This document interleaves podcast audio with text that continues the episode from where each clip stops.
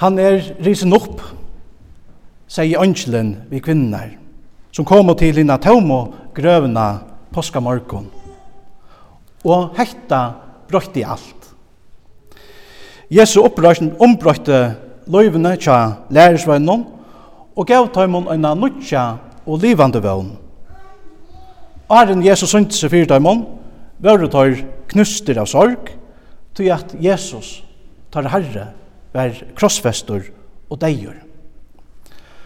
Og tan sjukan og løyingen og deien som setter syndam av okkara tilveron, kan kanskje også gjøre okkon hina somo kjenslene, hinna somo leierdags kjenslina som lærersvøynene høtt og middelen lenga frutja det og påska det. Öll tar av vann tøktest av være ute.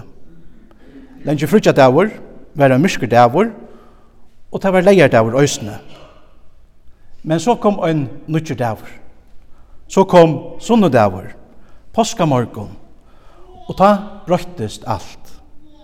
Grøven var tøm, Jesus var risen opp fra deion. Ein ærestande lesa vi at den opprysne Jesus kom først til kvinnenar og holdt seg i tøymon og sier høylar og sælar.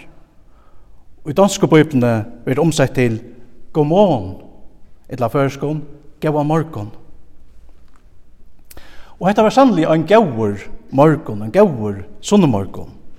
En så gaur sunnemorgon at vi enda i der om lai 2017 saunast henta sama dagen og om hinn sama opprøsna frelsaran. Han brøytti i alt, vi sunni opprøst påska morgon. Og sorgen tja lærersvøgnon var vent til en livande vøgn, tatt av sjå hinn opprøsna Jesus. Jesus. Vi kan bruka apostelen Petur som ett døme. Petur misti alla sina vån ta hans herre og hans herre Jesus døye av krossen og ta han blev gjerraver. Jesus var deier og ta sørsta som Petor gjør i åren Jesus døye det var at evnokta han det var at svitja han Men det er mysko utlitene til Petre brøttos ta Jesus synte seg fyrir honom, livande møtte vi en opplysning av Jesus brøtte løyve til Petre så negv at han kom til å knyte alle sine kristne vevn, nemlig til Jesu opprøst fra deg. Og etter her røysen til så fer han til at prysa gode og sier til årene, så vil jaunan høyre og kyrkene bæg i samband vi døp og i samband vi gjerrefer. Lova vår være god og feir vår herre Jesu Krist som etter miklo og miskunnsyni hever endurføyt okkum til livande vånar fyrir opprøysn Jesu Krist fra deion, sier han. Jesu opprøysn førte til nekka halt nutt fyrir Petur, og et halt nutt loiv. Og han knytte etta nutja og vånrøyka loive til løyna avvisa hending, nemlig hese hendingsna som ønskjelen boa i kvinnon påskamorgon. Tatt og søtt og, at han sier, Han er risen opp. Lykka fra fyrstan antoi, har det korsene vært imisk sjånar mi vi vujkjante opprørsene. At i øynene så inne vært praktika er Kristus er risen opp fra deg, som Paulus sier. Og hinner så inne har vi sjånar mi som sier at opprørsen fra deg ikkje er til. Men vi savnast her i kyrkjen i dag om hin opprøsna og livande frelseren, så er det korsen i ånder som sier at tryggven av Jesu likamlig og opprørst er ein tappelig og avvisendalig patrygg, som altså ikke hever nekka vi verløykan a gjerra, som man utelukkar under på forhånd. Hvordan skal man så møtta en slukon pastande? Kanskje kan Paulus være en firmynd til okken her, da han rett og slett sier, som han sier i opprørsnær kapitlen til tja honom i 4 Korint 15. Men ta i nu er praktika at Kristus er risen opp fra deion. Hvordan kunne ta sommertikkere mittlen sida at opprørsen av deion ikke er til, spyr han. Og som vi sutja tja Paulus, så er den her praktikan tatt tankt at egna vittnen til en opprysna Jesus. Som Paulus sier, så var han sattur av, altså Jesus var sattur av kefasse, det vil si pektor, så gjerne i Taimon 12, og at nå til var han sattur av meira enn 500 brøron og sen, sier han. Vi sier altså, at bådskaperen om min oppresna Jesus ikke er eit eventyr. Helt med er boan en grunn av meira enn 500 egna vittner meira enn 500 egnavittne kunne jotta til sannrøynd at Jesus velja var risen opp fra deg. Og det som gjør oss ned listan av egnavittnen, en særligan myndeløyga, en særligan søvligan myndeløyga, er at de fleste av dem 500 er jo enn av løyve da Paulus kommer vi i sånne spurningen til de som iva oss. Vi øren åren sier han ved deg at de kommer for å tjekke det til at hun hinnom. Han sier, om du ikke trus mer, fer så og spyr hinne egna vittne. De var her, de så hva tente. God til vår velja gripi inn og hendan heimen. God til vår velja røst Jesus opp fra deion. Og hetta at opprøsningen er ein verlig hending og i hessen her høymnon, er avgjørende for det som er øysen stand i her i det og praktikje. Så hvert er dere vevn gjør det av om hon ikke er tungt at veriløykan. Jesu likamlige opprørsen er altså høyt avgjørende. og utan henne så er ønsken kristendommer.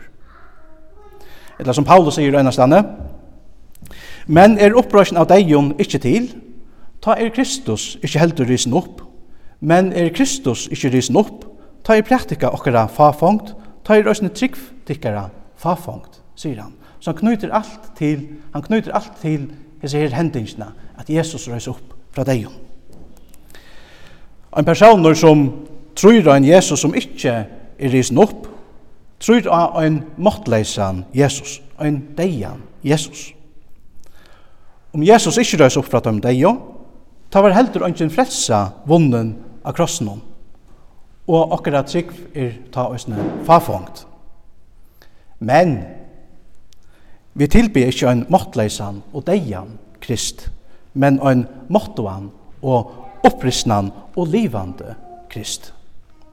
Paulus han stafesta og sier, men nu er Kristus risen opp fra deion.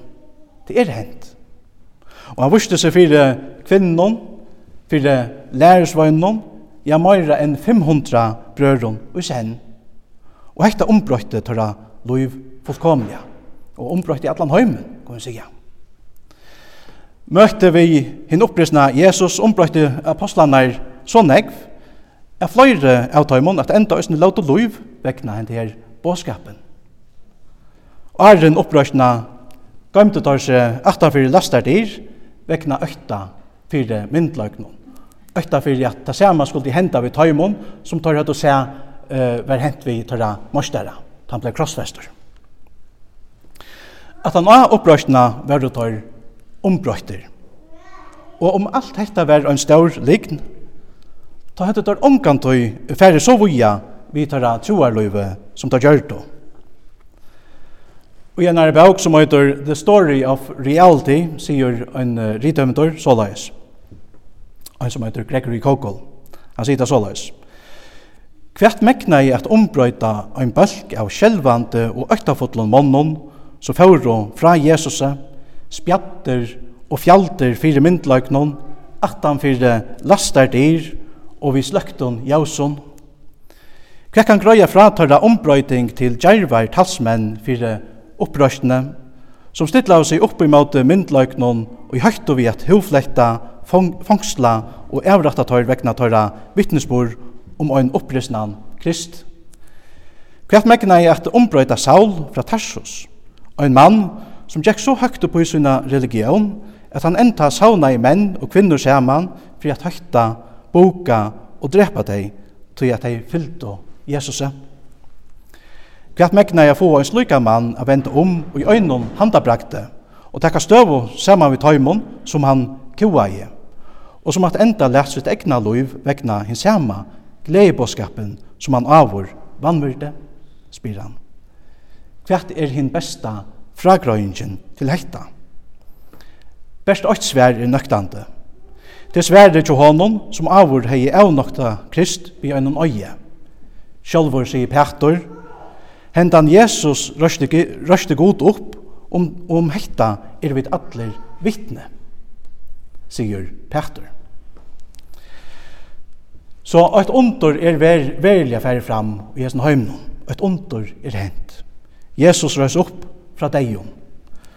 Nu er talan sås at ikkje langer om hese her vannleis og leierdags kjenslina som lærersvennan er høtt og mytlen lenka frutja det og påska det.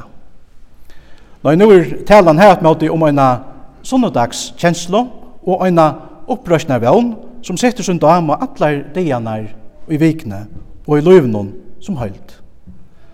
Øysen tar mest troplo dejanar i løyvnum og jeg vil korsene en livande vevn tog at et ondur er velja hent. Han er risen opp. Og just hentan sannrøynden gjever løyvnum et nytt og vevnrukt innihald. Deien er ikkje enden. Etla som Paulus sier, Men nu er Kristus risen opp fra deion, som fromgrauren av tøymon som sauna er og bostor. Det vil sija, at vi skulle rys opp fra deion, lykka som Jesus rys opp fra deion. Og lykka som hinn opprysende Jesus sa, synar vinner aktor, og tar seg og han, så skulle vi tøysne vi trunne av Jesus, sutja okkara kæru aktor her heima og himle. Etla som vi plia sinja, Det er ein stort og ein stokkot løkta, så færa vi ur hesevær, og i himmelrujtje aktor møyta vi tøymon som vit misto her. Etter vevnen vånen som vit øya i okkara opprysna frelsara. Vit øya hesa vånena om at møktast aftur. Så degen er ikkje enden. Kjente prætikumævren Billy Graham levde i òsne vi hese trunne. Og han døy i òsne på hesa trinna som 95 er gammal. Om så nekna deia sier han nekka såleis. Han filosoferer ei og sier såleis. Ein dagen færa dit at lese at Billy Graham er deigur. Hetta skuld dit alls ikkje tryggva. Ta stund færi at vera meira livande enn i er nu. Ta har vi bara finnst ein nutjan bosta og er gintjen inn til nærveru Guds, sier han. Det samme kan sies om okkom. Ein dagen for at jeg at lesa, etla høyra og i utvarsmån, at vi er deg. Men som sagt er degen alls ikkje enden, til at Jesus han er sikra i degen Han er risen opp. Og i trunner jo han kunne vi nu kvile i vannet om at òsne vi skulle leva, om vi så dødja. Det er jo hekta som Jesus sjálfur sier. Han sier, Jeg er opprøsnen og løyve, den som tror av meg skal leva om han så døyr. Tøy kunne vi, øysen takk under vi, ville greie ham, og sia at vi etter deian for at vi er meira livande enn vi er nu. Ta vi finnes en nødjan bostad, og er gynnsin inn til nærvero gods. Kan tøtning hever alt dette her så fyrir te og med i dag. Jo, jeg tror at Jesus velja er risen opp, så merker hekta at Jesus hever sikra i videian hon. Tøy kunne vi trygt leggja bæg i okra loiv og okra evnløyga i hansara stersko hentor. Og tøy kunne vi døysene feknast om at deien ikkje er eit endalit farvel, nøy vi møtast atur heima og i himle. Det er ein stort, ein stokkot løyta, så færa vi ur hese ver, og i himmelrujtje attor møtta vi tøymon som vi misto her. Hesa røyko og livande vevna øya vid, og i tøy som ønskjelen sier vi kvinnar påskamorgon. Han er risen opp. Og tøy sier vid. Lov og tøkk og atler høyur, biretær, godevaron, fægir sine og høylaun anta, som alt du hever vere, er og alt du verur, øyn sannur, tru øyner god, halovavur fra fyrsta opphavet, nu om atler av. Amen.